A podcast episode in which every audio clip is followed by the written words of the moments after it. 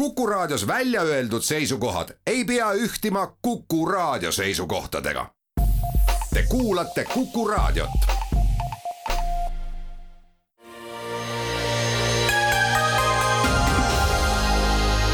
poliitikakuru, kui sina ei tegele poliitikaga, tegeleb poliitika sinuga. poliitikakuru tervist, alustame saatega ja taaskord väikese meeldetuletusteavitusega kõigile tublidele reisihimulistele valijatele. juba kahekümne seitsmendal veebruaril hakkab pihta elektroonilise ja eelvalimise periood, aga seekord langeb kogu see valimisperiood täpselt kokku koolivaheajaga, nii et tuletame kõigile koolivaheajal siis kas suusatama või suplema suunduvatele kodanikele meelde, et valida saab ja tegelikult ka tuleb puhkuse ajal ja aga e-hääletamiseks on vaja kindlasti omada arvutit ja siis autentimiseks kas ID-kaarti või mobiili ID-d. Smart-ID-d ei ole võimalik äh, hääletamisel kasutada, nii et äh, võtke, võtke riistvara reisile kaasa ja, ja ainult mobiiliga veel hääletada ei saa. ja täna äh, teevad saadet Külli Taro. tere! Keit Kasemets. tere päevast! ja Tõnis Leht ja millest räägime, eks põhiliselt ikkagi erinevatest valimiskampaaniaga haakivatest teemadest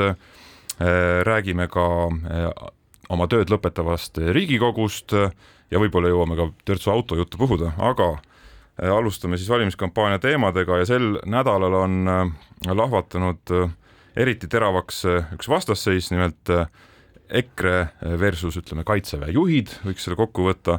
EKRE esimehe Martin Helme ja siis kaitseväe juhtide vahel ja selle vastasseisu sisuks on Martin Helme süüdistused, et või väited, et Eesti riik on abistanud Ukrainat äh, sõjaliselt äh, liiga palju, andnud ukrainlastele liiga palju relvi ära,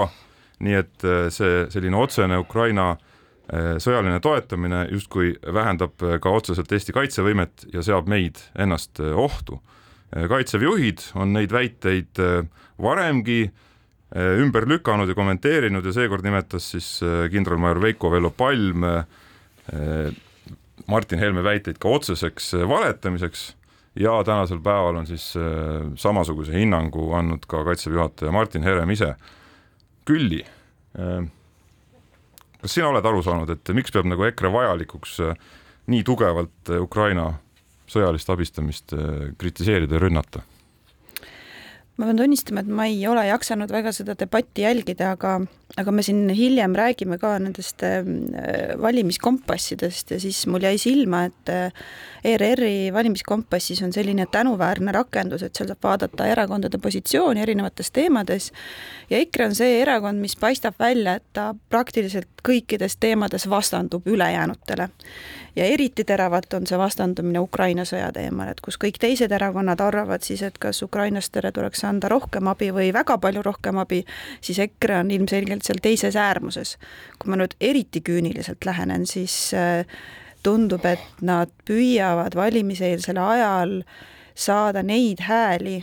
kellel nii-öelda sellel teemal ei ole ühegi muu erakonna poolt hääletada ja siis nii-öelda võimendada seda teemat, see on muidugi väga küüniline lähenemine ja minu jaoks üsna tülgastav, aga ma ei oska nagu muud seletust siin leida ja ma sinuga olen, äh, olen nõus, et kui vaadata seda veel nii-öelda küünilise pilguga seda teemat äh, edasi, et siis noh, kindlasti see, see Venemaa sõda Ukrainas, noh üldse poliittehnoloogiliselt noh, ei ole EKRE-le kõige kõige sobivam ja sest noh, nende kogu ju see pinnas, millelt ikkagi hääli koguda, ongi see nii-öelda valitsuse vastasus, äh, protestimeelsus, ütleme nende inimeste häälte püüdmine, kes ei ole rahul. Ja üldiselt inimesed on rahul sellega, kuidas Eesti valitsus on siis äh, selles sõjaolukorras reageerinud. Aga siit EKRE nüüd proovib nagu välja õngitseda või ehitada üles nüüd siis ikkagi seda narratiivi, et tegelikult Eesti valitsus on kehvasti tegelikult ikkagi kõike teinud. Ja miks ta on teinud kehvasti, teinud seepärast kehvasti, et on jätnud nagu Eesti kaitseta, et on andnud siis kõik, kõik relvad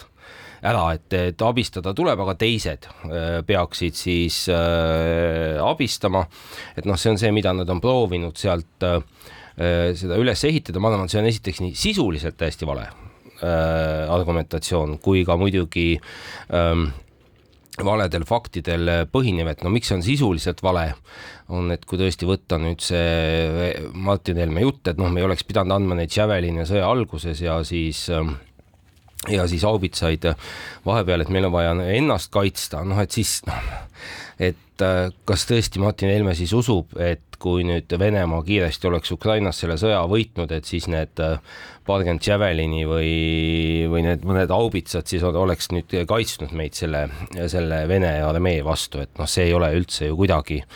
kuidagi nagu tõsiselt äh, võetav, noh pluss loomulikult seal,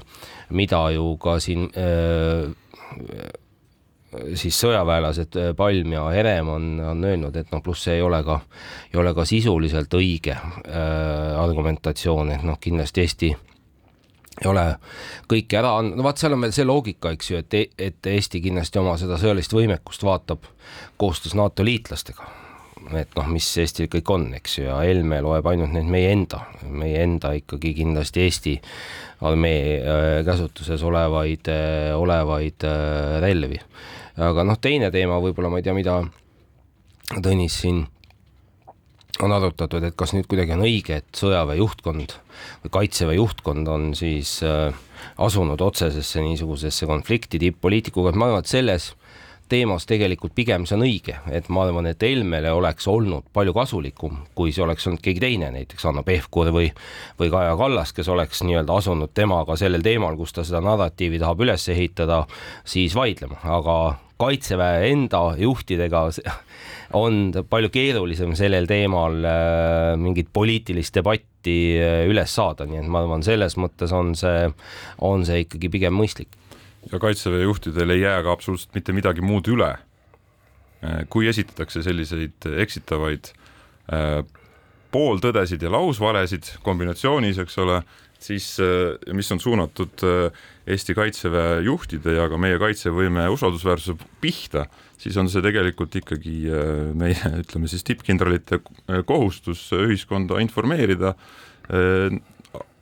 selgitada, mis siis tegelikult äh, meie relvastusega toimub ja mis meie kaitsevõimega laiemalt toimub, et äh, selle vastu, need vastulaused on ikkagi Martin Helme ja teised EKRE liidrid äh, endale ise väga konkreetselt nii-öelda ära, ära teeninud, et siin ei ole mingisugust nii-öelda sekkumist parteipoliitikasse, see on tegelikult ikkagi kaitseväe juhtide kohustus, et mida EKRE oma selliste sammudega teeb, noh, nii nagu sa Külli kirjeldasid, otsib, otsib eristumisvõimalust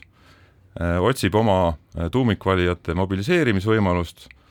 ja, ja sellest, seetõttu otsib ka selles Ukraina äh, sõja temaatikas siis võim-, teiste erakondade, võimul olevate erakondade siis positsioonide uuristamise võimalust. aga mulle tundub, et nad selle ütleme, niivõrd terava ja valedel põhineva mm, Ukraina sõjalise toetamise kriitika või ka otsese ründamisega ikkagi lõikavad omale potentsiaalselt ka üsna tugevalt näppu vähemalt see risk on, et okei okay,, oma tuumikvalijatele äh, see sõnum ilmselt äh, töötab, kuigi ka nende hulgas on siiski ütleme, suurusjärgus võib-olla kakskümmend viis protsenti neid, kes peavad ka Ukraina majanduslikku sõjalist abistamist väga oluliseks, et äh, nende jaoks võib ka see olla juba selline üleliigne kriitika või kummaline kriitika, aga küll seab EKRE oma sellise jutuga potentsiaalselt lae ette uute toetajate leidmisele, sest et jah, ühiskonnas laiemalt on ikkagi toetus Ukraina abistamisele nii sõjaliselt kui majanduslikult ikkagi väga kõrge. aga EKRE toetus ei olegi tõusnud ka viimasel ajal. ja no siin, eks neid, seda tõde näitab lõpuks valimispäev, aga, aga seal võib ka oma äh, seos ja, ja, ja link tõepoolest olla. aga äh, temaatika on iseenesest äh, laiem, mis puudutab siis kogu seda kriitikat, ei ole ainult äh, ei ole ainult ju konkreetselt ütleme relvastuse äraandmine, äh, siis mida on äh, kaitseväe äh, juhtide suunas EKRE poolt loobitud, on, on ka korduv ja korduv jutt sellest, kuidas Martin Herem ja teised kaitseväe juhid ei soovi Eestile hankida õhutõrjevõimekust, see on nagu selline teine selline valede rida, mida, mida Martin Helme EKRE on, on tagunud juba Ukraina sõja eelsest ajast peale, aga noh, seda, seda on äh, korduvalt ja korduvalt äh, Martin Herem ja, ja ka teised ka veenvalt oma argumentatsiooniga ja sellega, kuidas tegelikult on asjad toimunud, äh, ümber lükanud, ehk et see on, see on selline laiem äh, kaitseväe siis autoriteedi õõnestamise tegevus, et ja ma kahtlustan, et võib-olla te vaidlete vastu, aga, aga see ei pruugi jah, EKRE-le lõpuni kasulik olla. Ma saan aru sellest, et mis neile on kasulik, on, on väga selge ja tugev põgenike siis aitamise Eestisse vastuvõtmise kriitika, et seal ilmselt EKRE-l nii-öelda sellist näpulõikamise kohta ei ole. seal on nad selle nii-öelda niši endale väga tugevalt eraldanud poliitilisel maastikul ja, ja tundub, et nad ongi võib-olla natuke hoogu läinud selle ukrainlaste eh, nii-öelda vastasusega, et al-, alustas Ukraina põgenike aitamisest ja, ja nüüd on siis jõudnud Ukraina sõjalise ja rahalise aitamiseni. aga ma siin mõtlesin, kui te rääkisite, et, et see et see kogu see kaitsepoliitika valdkond on selline valdkond, kus noh, ma võin kodus köögilaua ääres igasuguseid asju arvata ja muljetada, aga aga ma tõesti ei tea kedagi teist, keda ma peaks usaldama nendes küsimuses, kui mitte Eesti Kaitseväge, et aga millegipärast mõned erakonnad arvavad, et nad on kordades targemad kui tegevkaitseväelased. minule jääb see arusaamatuks. aga teeme siinkohal väikse pausi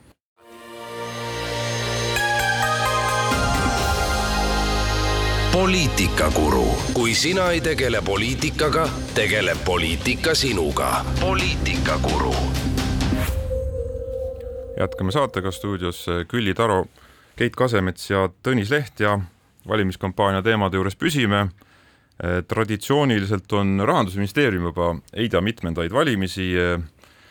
klõbistanud siis oma ametnike kätega Exceli tabelites ja arvutanud kokku parteide valimislubaduste maksumused ja äh, nende lubaduste siis, mille puhul nad on siis suutnud mingisuguse rahalise mõju sinna juurde mõelda ja arvutada ja, ja siis nende, mis toovad ka äh, riigieelarvele siis lisakulu äh, juurde, aga Külli, kuidas sulle tundub, et seda analüüsi lugedes, et kas parteid lubavad liigset laristamist või on seal siiski ka nagu katteallikaid paistmas? No ma tahaks kindlasti kiita Rahandusministeeriumit, et see on väga suur töö, mille nad on ära teinud ja nad tõesti juba mitmendat Riigikogu valimist järjest äh, analüüsivad seda lubaduste maksumust äh, üsna sarnase metoodika alusel ja eks nad teevad ka seda ikka mõnes mõttes omakasu pärast, et kui läheb koalitsiooni läbirääkimisteks, siis on tegelikult väga kiire, et äh, hinnata võimalike koalitsioonilubaduste maksumust siis. aga kui mul õigesti meelde jäi pressikonverentsid, siis äh, Rahandusministeeriumi ametnikud mainisid, et umbes kahekümnele protsendile lubadustest nad suutsid üldse mingisugusegi äh, hinnasildi juurde panna aga samas neid lubadusi, mis ilmselgelt palju kulutusi nõuavad, on, on väga-väga palju. et jah, tõesti, selle analüüsi probleemid tulenevad väga paljusti valimislubaduste probleemidest, ehk kui valimislubadus on väga udune, siis ei ole võimalik seda ka kuidagi analüüsida. aga seekord mulle tegelikult meeldis hoopis üks teine aspekt selle analüüsi juures, et kui vaadata lähemalt neid tabeleid, mida, mida ministeerium tegi erakondade kohta, siis seal lisaks rahalisele poolele on tegelikult ka päris olulist muud infot nende lubaduste tausta kohta, noh näiteks üks näide, et äh, aeg-ajalt ikka räägitakse, et tuleks ähm, tõsta erisoodustus, ähm, maksuvabastus, mida on tööandjal võimalik äh, äh, siis nii-öelda kulutada. Ja ja Rahandusministeerium toob väga hästi välja, et tegelikult kahe tuhande kahekümne esimesel aastal kasutas seda viie ainult viis protsenti tööandjatest tervisekulude hüvitamise võimalust. ehk siis täna seda neljasaja eurot äh, hüvitust on ainult viis protsenti tööandjatest kasutanud ja see keskmine hüvitis on kuskil üheksakümmend kaks eurot, nelisada on lubatud ja keskmine on üheksakümmend kaks. et kui me nüüd lubame, tõstame selle kaheksasaja peale, siis tegelikult probleem on kuskil mujal. Seda soodustust lihtsalt ei kasutata, et enne kui hakata nagu lubama kõrgemat soodustust, võiks nagu analüüsida, et miks seda ei kasutata ja kas see üldse nagu mingeid probleeme lahendab. et see nagu näitab ka nende lubaduste sisulist kvaliteeti või siis ütleme, see erakondade eeltöö kvaliteeti. aga ähm, Rahandusministeerium, mulle meeldib nende huumorimeel et kui nad eh, noh, loomulikult ka rääkida kallimatest lubadustest, siis alati kõik see, mis puudutab makse, maksualandusi ja väga laiapõhjalisi toetuseid, pensionid, eh, sel aastal siis elektritoetused, toidu ja ravimite käibemaksu alandamine, need on alati kõige kallimad. aga nüüd see tulude poole peal, kui vaadata, siis see pilt, mida Rahandusministeerium näitas, oli ikka, oli ikka päris, päris, päris hea huumorimeelega tehtud, et et suurimad katteallikad on siis lubadused hoida riigi rahandus korras ja, ja viia eelarve tasakaalu ilma igasuguste allikate või põhjendusteta, et kust, kust see raha peaks tulema. no aga tabelis ma vaatasin, on ka seal rahanumbrid siis ministeerium leidnud või juurde lisanud, et riigi rahanduse Äh, korrashoidmine Reformierakonna nii-öelda lubadusena kakssada miljonit aastas. nojah, nad on arvutanud, et palju see siis peaks nagu olema, see tulu, et seda rahandust korras hoida, aga kust see kakssada miljonit tuleb, seda no, võivad ka kärped olla ka, eks ju. ja, ja siis eelarve tasakaalu viimine ja. Äh, siis äh, nelja aastaga on siis juba ligi nelisada miljonit. ja aga see ei pruugi olla ju kulu et eelarve tasakaalu viimine võib olla ka samamoodi, võib ju olla ka nagu tulu poole peal, et kui sa nelisada miljonit kärbid kuskilt erinevatest kohtadest, et siis sa hoiad kokku. ja see ongi minu suur kriitika selle rahandusministeeriumi analüüsi suhtes. et äh, punkt üks, nad ise on pidanud võtma väga palju eeldusi sinna, tõlgendama neid äh, erakondade valimislubadusi, mis kindlasti ei ole ametnike ega, ega rahandusministeeriumi töö, et mina võtsin siit huvi pärast Äh, lahti Keskerakonna rahvastikupoliitika osa. Ja, ja see on ainult üks lubadus, kuhu on siis pandud ka mingi number, üks koma seitsekümmend kolm miljonit äh, eurot ja see on siis toetada noorte teadlikkust liikumise vajalikkusest ning arendada liikumisharrastuse kättesaadavust igas piirkonnas nii, noh, väga üldine lubadus. aga siis Rahandusministeeriumi ametnikud on ise teinud niisuguse eelduse, et liikumisharrastuse, mis see siis on siis äh,, liikumisharrastuse edendamiseks on siis kaks tuhat kakskümmend kolm juba ette nähtud seitseteist koma kolm miljonit eurot, et kui nüüd võtta eeldus et, et kümme protsenti seda summat tõstetakse, siis selle kulu oleks üks koma seitsekümmend kolm miljonit, no mida? selles mõttes, et kust üldse niisugune eeldus on äh, võetud, et, äh, et ja see ja ülejäänud tegelikult rahvastikupoliitika peatükk näiteks siinsamas Keskerakonnal, mis on, siin on väga palju, ma arvan, lubadusi, mis kindlasti on tegelikult äh, äh, kallid. Äh, näiteks tagada noortele võimalus saada oma kodu soetamiseks eluasemelaenu riigi käendusel, see ikkagi, ega siis ega käendused ei ole Äh, lõpuks riigile Aga tasuta ning ilma kohustusliku omafinantseeringuta null. Ja siin on väga pikk rida, nii et mida ma tegelikult äh, tahan öelda, on see, et see natuke teeb erinevatele erakondadele erineva nurga alt ka liiga, et kui see tuleb välja, siis alati vaadake nüüd, mida kõik erakonnad on lubanud, kui kallid asjad, eks ju, tuluallikaid äh, kuskil ei ole. Ja eks siis nende erakondade, jah, muidugi on meil erakonnad, kes lubavadki vastutundetult palju asju, nende tulbad on pikemad, aga siis on ka nagu suuremad kulutused nendel erakondadel, kes lihtsalt on konkreetsemalt oma need lubadused kirja pannud. Ja need erakonnad, kes polegi eriti nagu programmi isegi valmis saanud no nagu parempoolsed näiteks, et siis nendel on hästi-hästi väiksed noh, need siis äh, lisakulud. Ja vot kus on vastutustundlik erakond, eks ju, ei luba piisavalt neid kulusid, et see lihtsalt jätab tegelikult äh, veidikene kogu see analüüs ikkagi aga, nagu vale mulje avalikkusele, kas ja mida ta on nagu teinud. ta on et, igal juhul äh, hinnanguline ja sellesse tuleb ka nii suhtuda, et ta ei ole mingi absoluutne tõde ja loomulikult neid eeldusi kas seda peaks ongi... tegema Rahandusministeerium või mõni think tank näiteks Praxis või midagi sellist, et on see nagu riigiametnike töö enne valimisi äh, niimoodi neid programme analüüsida, sellest, loomulikult ma olen ise ju selles süsteemis kaua töötanud, sellest, et kui nüüd istutakse läbirääkimiste, koalitsiooniläbirääkimiste laua taha, võetakse oma lubadused välja, et seal peaks olema Rahandusministeerium kogu aeg juures ja tegelikult kõik läbi arvutama ja näitamegi ära, kus on tulud, kus on kulud, mida saab teha, mida mitte selles tänases makroprognoosis, et noh, sellest ma saan väga hästi aru ja tegelikult kõik valimisprogrammid võiksid nagu juba valitsemisprogrammid siis nii-öelda võiksid olla väga täpselt läbi analüüsitud, aga ma natuke lihtsalt kõhklen selles, et kas ei ole nii-öelda ka selle riigiametnike energia valesse kohta suunamine nüüd ise neid eeldusi siin võtta ja, ja saab, kõike neid läbi lugeda, see on ikka väga suur töö. ma ütlen, kõik need, see on tohutult, tohutult palju töö. neid, eks ju. sellepärast ei saagi jätta seda iga valija enda peale, keegi peab tulema valijale appi, alati saab neid analüüse teha muidugi paremini ja veel põhjalikumalt ja võib-olla saab seda ka te keegi teine teha, aga seal ta siiski oma tänuväärne iva selles on, et ja ta joonib siiski küllaltki palju alla selle, et ega neid tuluallikaid valimisprogrammides tõesti ülemäära ei kajastu. iseasi, noh, kas need seal üldse peaks olema või, või miks parteid peaks üldse leidma endas motivatsioone neid, neid sinna panna? aga kogu see kriitika, Keit, mida sa välja tõid, see pigem on kriitika valimisprogrammide vastu kui selle metoodika vastu, sest programmide ülesehitus tingib selle metoodika ja tõepoolest Keskerakonna programm paistis ju eriti silma selle poolest, et seal on väga palju selliseid uduseid lubadusi, mis ilmselgelt tõstavad kulusid. maksavad päris palju. ja maksavad üks, palju, aga kui palju täpsemalt on väga keeruline öelda, et noh, midagi vähemalt on üritatud teha ja on ausalt välja öeldud, et seal on väga palju eelduseid nende numbrite juures no kiidavad Rahandusministeeriumi ametnikud äh, mingis mõttes sotse selle eest, et seal on neid tulupoole no, äh, siis äh, artikleid kõige rohkem, eks see kiitus on alati aga Tõnis, see on ka hinnata, üks minu, ei, aga Tõnis, see on ka üks minu niisuguseid noh, nagu ka äh, ikkagi võib-olla küsimusi lihtsalt, mis ma viskaksin õhku ka, et kas enne valimisi rahandusministeeriumi ametnikud üldse kedagi peavad kiitma okay. või laitma. kiitus on võib-olla ka vale äh, sõna, nad toovad mõttes. välja, nad toovad välja, et näiteks sotsidel on konkreetsed nii-öelda lisakatteallikate ideid kõige rohkem, et ma ei tea, kas see on tegelikult kiituseks mina kuulasin niimoodi poole kõrvaga pressikonverentsi ja, ja tegelikult äh, minu arust ametnikud väga tasakaalukalt tõid seal nii oma metoodika plussid-miinused välja kui valimisprogrammide plussid-miinused välja, et nad minu arust otseselt kedagi ei, ei kiitnud ega laitnud, vaid tõdesid, et nii lihtsalt on. aga üldine tavapraktika meil erakondadel nende programmide koostamisel on ju äh, pikaajaliselt sama, et äh, et lubaduste siis kulude ja tulude pool kuidagimoodi omavahel suhestuma eh, ei pea ja, ja ka valijad seda neilt väga selgelt äh, ei küsi. aga see on ka väike osa ju tegelikult ainult poliitikast, eks ju, niisugused toetuste ja kuludega seotud lubadused, et võib-olla siis äh,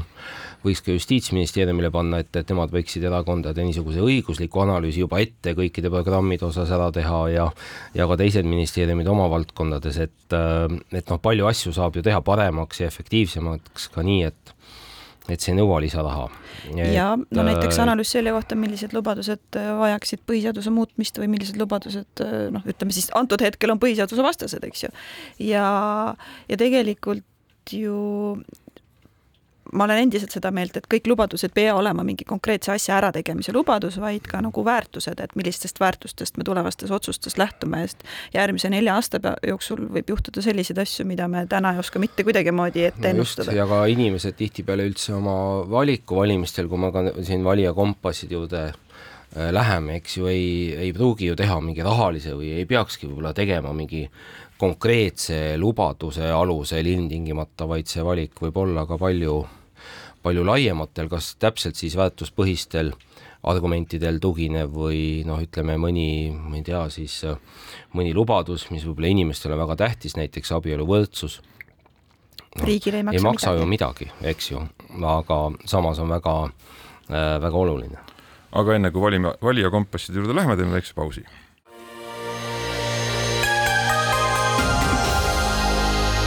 poliitikakuru, kui sina ei tegele poliitikaga, tegeleb poliitika sinuga. poliitikakuru. jätkame saatega stuudios Keit Kasemets, Külli Taro ja Tõnis Leht ja võtame nüüd ette eh, valijakompassid, nimelt eh, selline traditsioon on meil ka mitmeid eh, valimisi juba, et meisterdatakse erinevaid siis kodanikke, valijaid, abistavaid noh, nimetame neid siis valijakompassideks, abivahendeid, mille abil siis teha võib-olla teadlikumat äh, valikut. iseenesest äh, ma arvan, põhimõtteliselt kiiduväärne ettevõtmine, Delfi, Postimees, ERR on nüüd äh, kolm sellist erinevat valijakompassi siis tellinud või püsti pannud. kuidas teile tundub, kas need on kasulikud tööriistad või siis on, on olnud ikkagi valijate jaoks, kes neid kasutavad, ajaraisk? no ma arvan, et nad on sellised toredad ajaveetmisvahendid igal juhul ja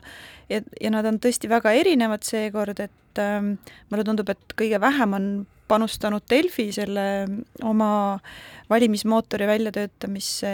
ja, ja seda ma ei soovitaks otsustamise aluseks valijatele väga võtta. teha võib, aga otsustama ei pea. ei, no selles mõttes, et sellega mängida võib. Postimehel,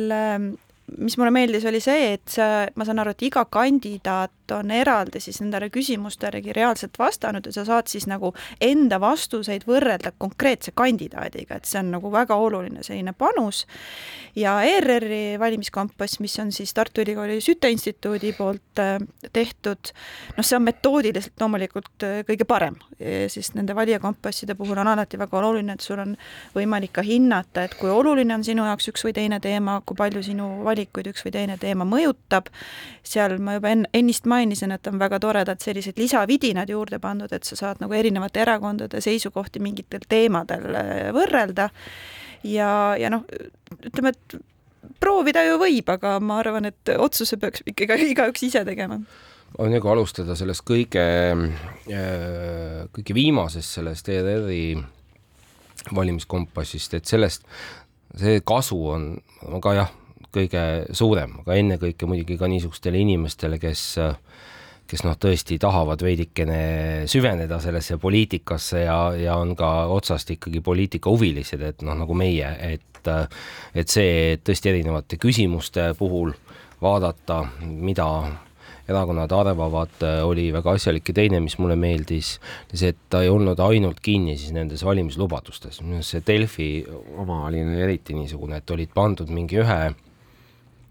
teema või valdkonna valimislubadused sinna üksteise otsa äh, ritta ja tihtipeale neil mingit suurt vahet ei olnudki, lihtsalt veidikene erinevas sõnastuses ja, ja, ja siis äh, kuidagi võtta siis eelduseks, et ainult nende lubaduste puhul juba peaks seda, seda otsust tegema, on, on jah, ütleme nii ja naa, et see Postimehe oma, ka mulle kõige rohkem ka meeldis see, et et, inimesed olid siis ähm, või noh, kandidaadid ise olid vastanud. Ja, ja näiteks mitu inimest, kelle puhul ma mõtlesin, et noh, et äkki võiks valida neid, siis minu arust mõned vastused olid neil täitsa valesti läinud seal minu arvates seal nendele küsimustele ja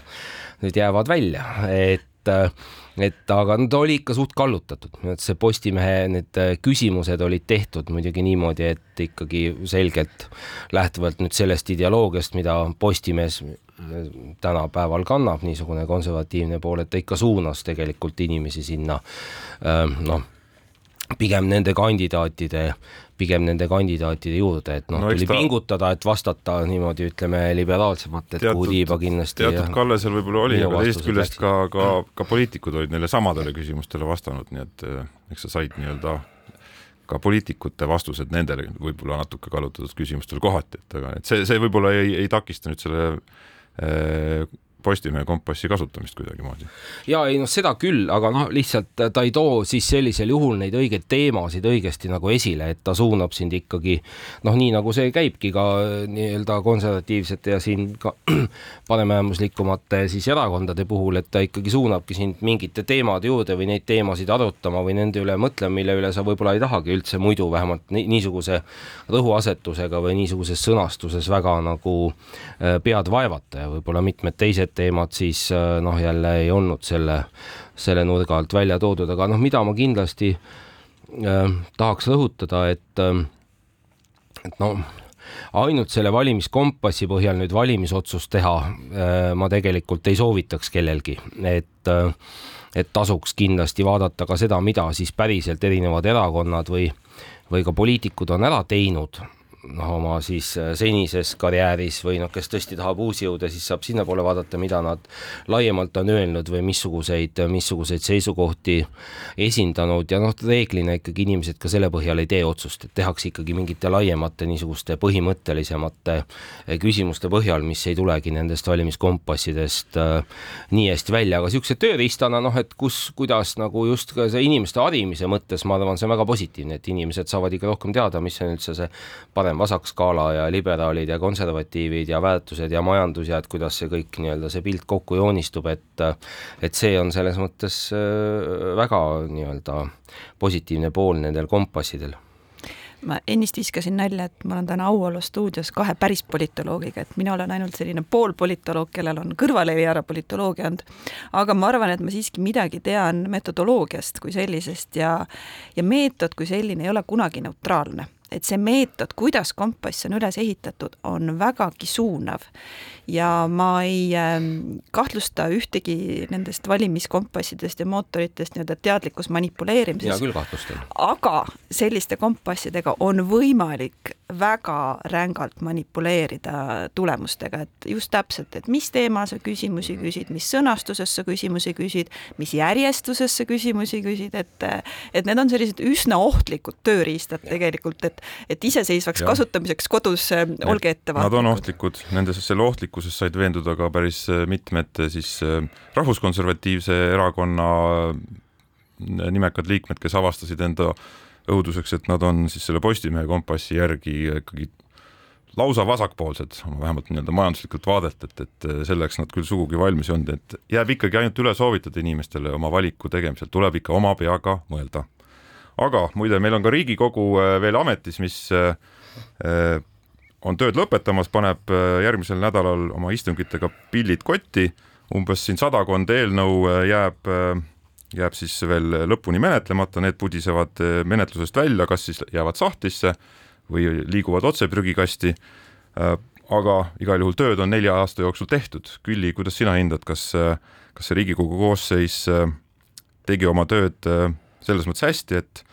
e-, juhiti rahvast ja esindati rahvast kvaliteetselt ja tehti ka palju sisulist tööd?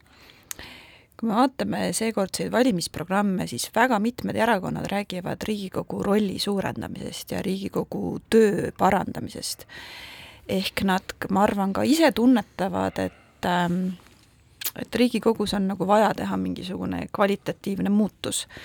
Mina väga ei usu sellesse, et aitab see, kui me nüüd rohkem keskendume parlamentaarse järelevalve edendamisele, vaid ma arvan, et Riigikogu peaks ikkagi paremini tegema oma põhitööd, ehk siis seadusloometööd. ja minu jaoks on väga tõsised äh, indikaatorid need, kui näiteks Vabariigi President peab seaduse välja kuulutamata jätma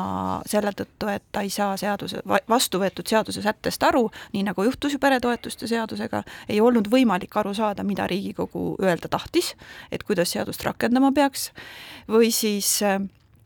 hiljutine punamonumentide seadus, eks ju, et kui Riigikogu enda juriidiline äh, osakond teeb eelnõu pihuks ja põrmuks ja Riigikogu liikmed ei lase ennast sellest segada väga, et si-, siis see on probleem, et meil on selles sisus väga, väga tõsiseid puudujääke. ja ma olen ka selles paadis, et ma kardan, et ei päästa see, kui me võtame Riigikogu liikmetele isiklikud abid, vaid, vaid päästab see, kui äh, Riigikogu liikmed ise süvenevad, sest me lõpuks valime Riigikogu liikmeid, mitte nende abisid ja teiseks ähm, võib-olla meil on vaja kahtesid valimisi. jah, ja teiseks ähm, kindlasti ma olen sellega nõus, et palgafondi juurde fraktsioonidele, komisjonidele ja, ja muule tugistruktuurile. aga üks on siis nii-öelda sisuline pool, aga kui me nüüd numbritest räägime,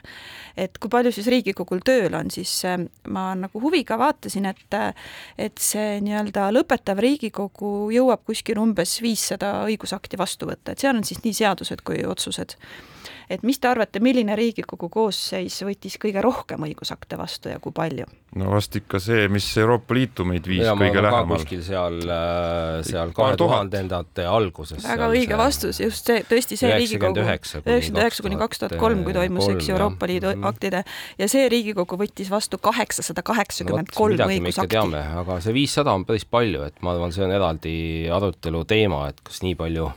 tegelikult mitte midagi. kas nii palju meil reguleerida on vaja jah, et äh, mina tahtsin hoopis laiemalt tegelikult seda vaadata, et meil oli ju niisugune Riigikogu, kus meil oli kolm ikkagi väga eripalgelist äh, valitsust ja niisugust, äh, niisugust asja päris niisugusel kujul äh, ei olegi minu arvates Eesti Eesti ajaloos äh, varem olnud, see polariseerumine, no on seal tegelikult, on veel vahetunud seal vist see Koonderakond ja Maarahvaühendus, kes alguses tuli, eks ju, ka siis nende skandaalide tõttu vist pärast seda tuli reform. aga ütleme nii, et nii selgelt et see polariseerumine jah, et need on kolm ikkagi jah. väga erineva niisuguse poliitilise päevakorraga äh, koalitsiooni, valitsust, et ju selle Riigikogu aega jäid need väga tulised vaidlused äh, abielureferendumi väljakuulutamise osas, mis, mis on ka äh, ja, ja siis Reformi Keskerakonna valitsusel hoopis teistsugune nüüd nüüd jälle hoopis teistsugune. Ma, et mis me nägime selle Riigikogu koosseisu ajal, nägime uusi mitmeid praktikaid, mida varem ei olnud kasutatud ja enamus neist nüüd ei ole väga positiivsed, needsamad no mõtlen jah, nii neid Grünthali asju kui ka, kui ka niisugust, ütleme, protseduurilist venitamist, me nägime ka seda, et no ma arvan, mina rohkem selle Grünthali tegemise all mõtlesin isegi kogu seda soga, mida, mida paljud Riigikogu liikmed seal avalikult seal saalis äh, välja ütlevad ja mis on ka kindlasti samm tagasi võrreldes selle poliitilise kultuuriga, mis, mis varem on olnud ja ma arvan, Eestis ka niisugust asja varem olnud ei ole, nii et pigem ma arvan, see neli aastat on, on toonud ka niisuguseid äh, negatiivseid äh, praktikaid äh, meie niisugusesse Riigikogu äh, töökorraldusse, mida noh, loodame, et järgmises koosseisus saab olema vähem. ja kui mina vaatasin seda koosseisu siis tööd, mis on tehtud, siis need kolm erinevat valitsust erineva programmiga katsid kõiki erakondi, kes Riigikokku kuuluvad, ses mõttes valijatele nagu pidu. jah, kõik said olla tõesti. kõikide, kõik valija, esindusdemokraatia nii-öelda pidu neli aastat järjest, kõikide olulisi teemasid sai mingil kombel ellu viia ja tõesti nagu suur nii-öelda suuri valimislubadusi äh, erinevatelt erakondadelt äh, suutis see Riigikogu koosseis täita ikkagi palju, et pensioni teise samba reform, peretoetused suurtele peredele, eestikeelsele haridusele ülemineku, eks ole, otsus, päästjad, politseinikud, õpetajad, kes kõik veel said palgatõusu, hooldekodukoha võib-olla saab ka pensioni eest, eks seda näeme, tulumaksuvaba miinimumi küll koos astmetega ikkagi tõsteti taastuvenergia tootmise nii-öelda tõstmine, tõstmise eesmärk aastaks kaks tuhat kolmkümmend samasse mahtu, et Eesti tiputarbimisega, et see sai seadusse kirjutatud, et väga erinevaid asju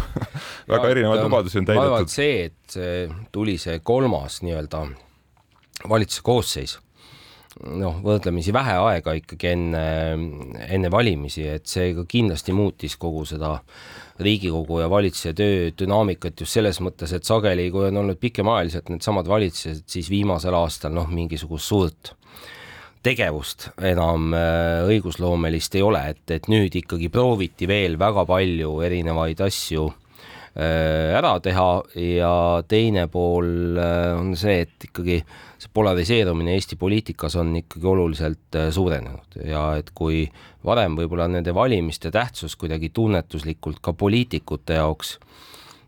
ei olnud võib-olla nii tähtis, et äh, siis mida ma praegu nagu tunnetan, on see, et veel noh, ju ka praegu võetakse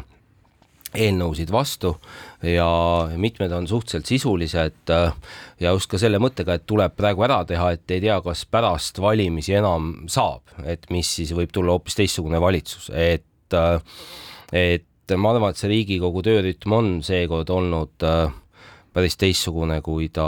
kui ta on olnud varasemalt, ma näen, Külli vangutab pead ma ise meenutan, no mina olen ju näinud Riigikogu tööd üsna lähedalt juba üheksandast koosseisust ehk sellest samast koosseisust, mis üheksakümmend üheksa ametisse astus. ja mulle tundub, et see hoogtöö on olnud kõikide koosseisude lõpus jah, me võime nagu arutleda selle üle, et kui olulisi asju on seal lõpus nagu veel võetud, aga no samas on nagu alati on midagi tähtsat ikkagi nagu ka viimasele hetkele jäänud ja siis veel kiiruga-kiiruga võetakse vastu.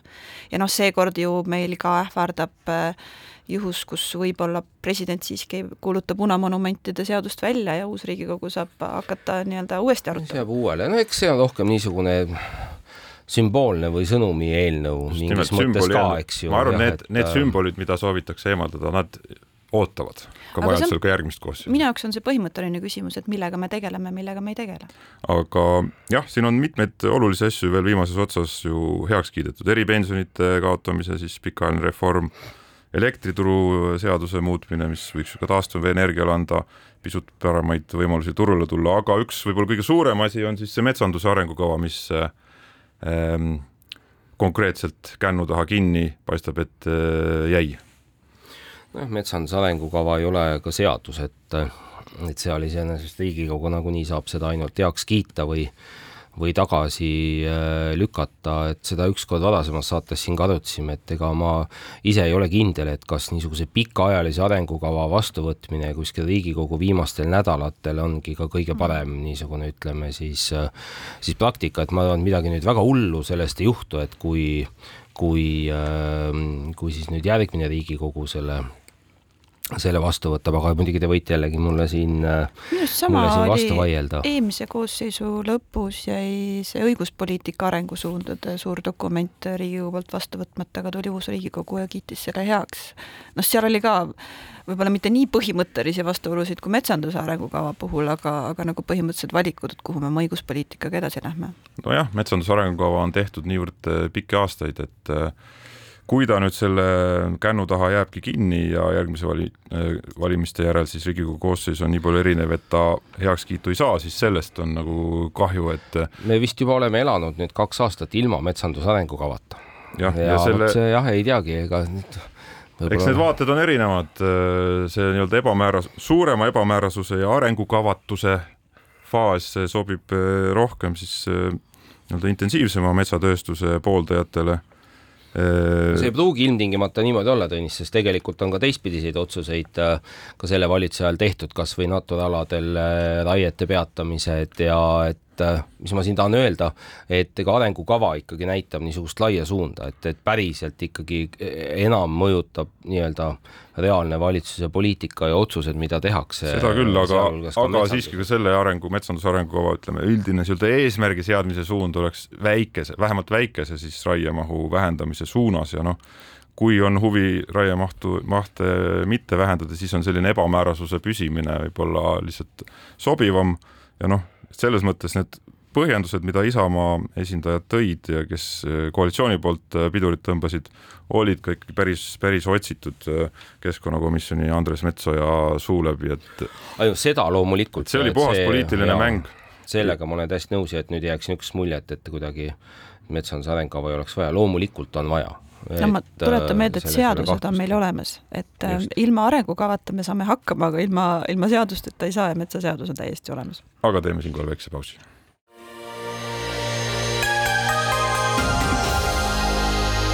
poliitikakuru, kui sina ei tegele poliitikaga, tegeleb poliitika sinuga. poliitikakuru. Jätkame saatega stuudios Külli Taro, Keit Kasemets ja Tõnis Leht ja saate viimasesse jupikesse jääb meil mastaapne autojutt. sel nädalal siis vormus Euroopa Parlamendis lõpuks seaduseks kava, mille järgi Euroopa Liidus enam alates aastast kaks tuhat kolmkümmend viis uusi bensiini ja, ja siis diiselmootoriga autosid müüa ei saa sisuliselt. kindlasti väga suure mõjuga otsus, natuke võib-olla jõuame ka selle mõjudest, sisust rääkida, aga Külli, kuidas sina oled rahul sellega, kuidas Eesti nagu avalikkus ja parlament on selles otsuse tegemises osalenud, et see on saanud taas omajagu kriitikat, justkui nagu oleks kogu see suur ja meie elu mõjutav äh, asi kusagilt kaugelt äh, kae-, kaela sadanud, nii et äh, täielik üllatus? Mina olen ka nende paadis, kelle jaoks on see täielik üllatus ma tegelikult ei olnud sellest mitte midagi varem kuulnud. võib-olla ma ei ole siis piisavalt usin lehelugeja või ei ole nagu asjadega kursis, aga, aga jah, olen hämmeldunud siiani. kas nagu positiivselt pigem üllatunud või, või negatiivselt ehm,? mulle autod väga meeldivad ja, ja ma tegelikult ei ole väga nagu süvenenud, et milles see otsuse sisu siis tegelikult on ja sellepärast ma ei taha ka midagi väga-väga rääkida, sest üks on see, mida ma loen uudise pealkirjast ja teine on see, et mis, mis siis nagu tegelikult juhtuma hakkab, aga jah, et, et üleüldse sellise otsuseni jõuti, tõesti tuli nagu välk selgest taevast. Eks see on olnud siiski algusest peale selle eesmärk viiskümmend viis, selle Euroopa Liidu paketi osa ja siis neid erinevaid õigusakte seal järjest on äh, järjest on heaks äh, kiidetud ja noh, mingis mõttes äh, mina ise ka liberaalina ei ole mingi suur äh, nüüd ärakeelamise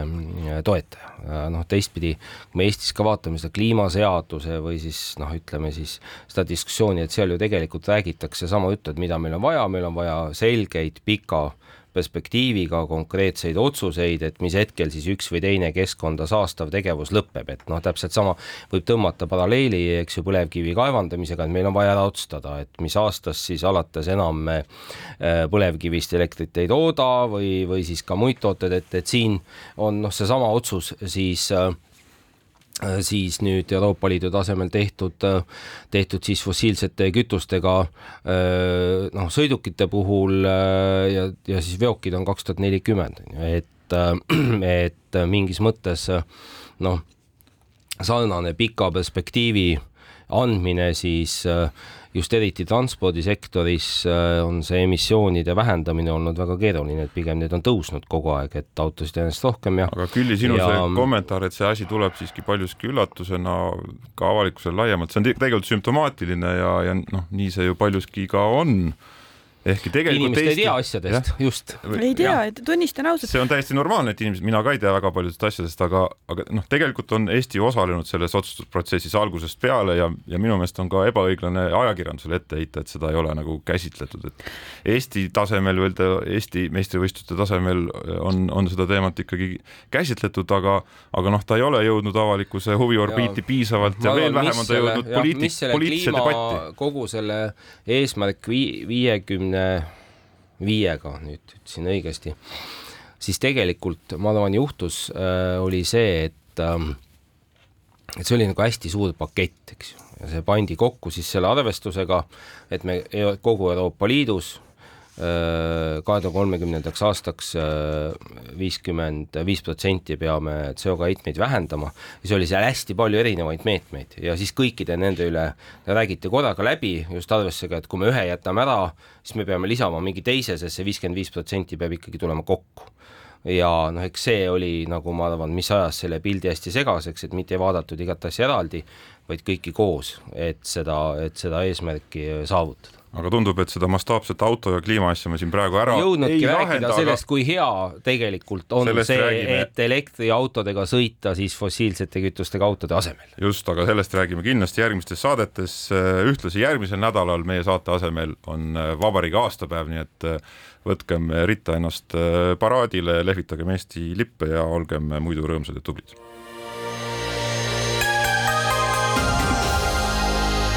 poliitikakuru, kui sina ei tegele poliitikaga, tegeleb poliitika sinuga. poliitikakuru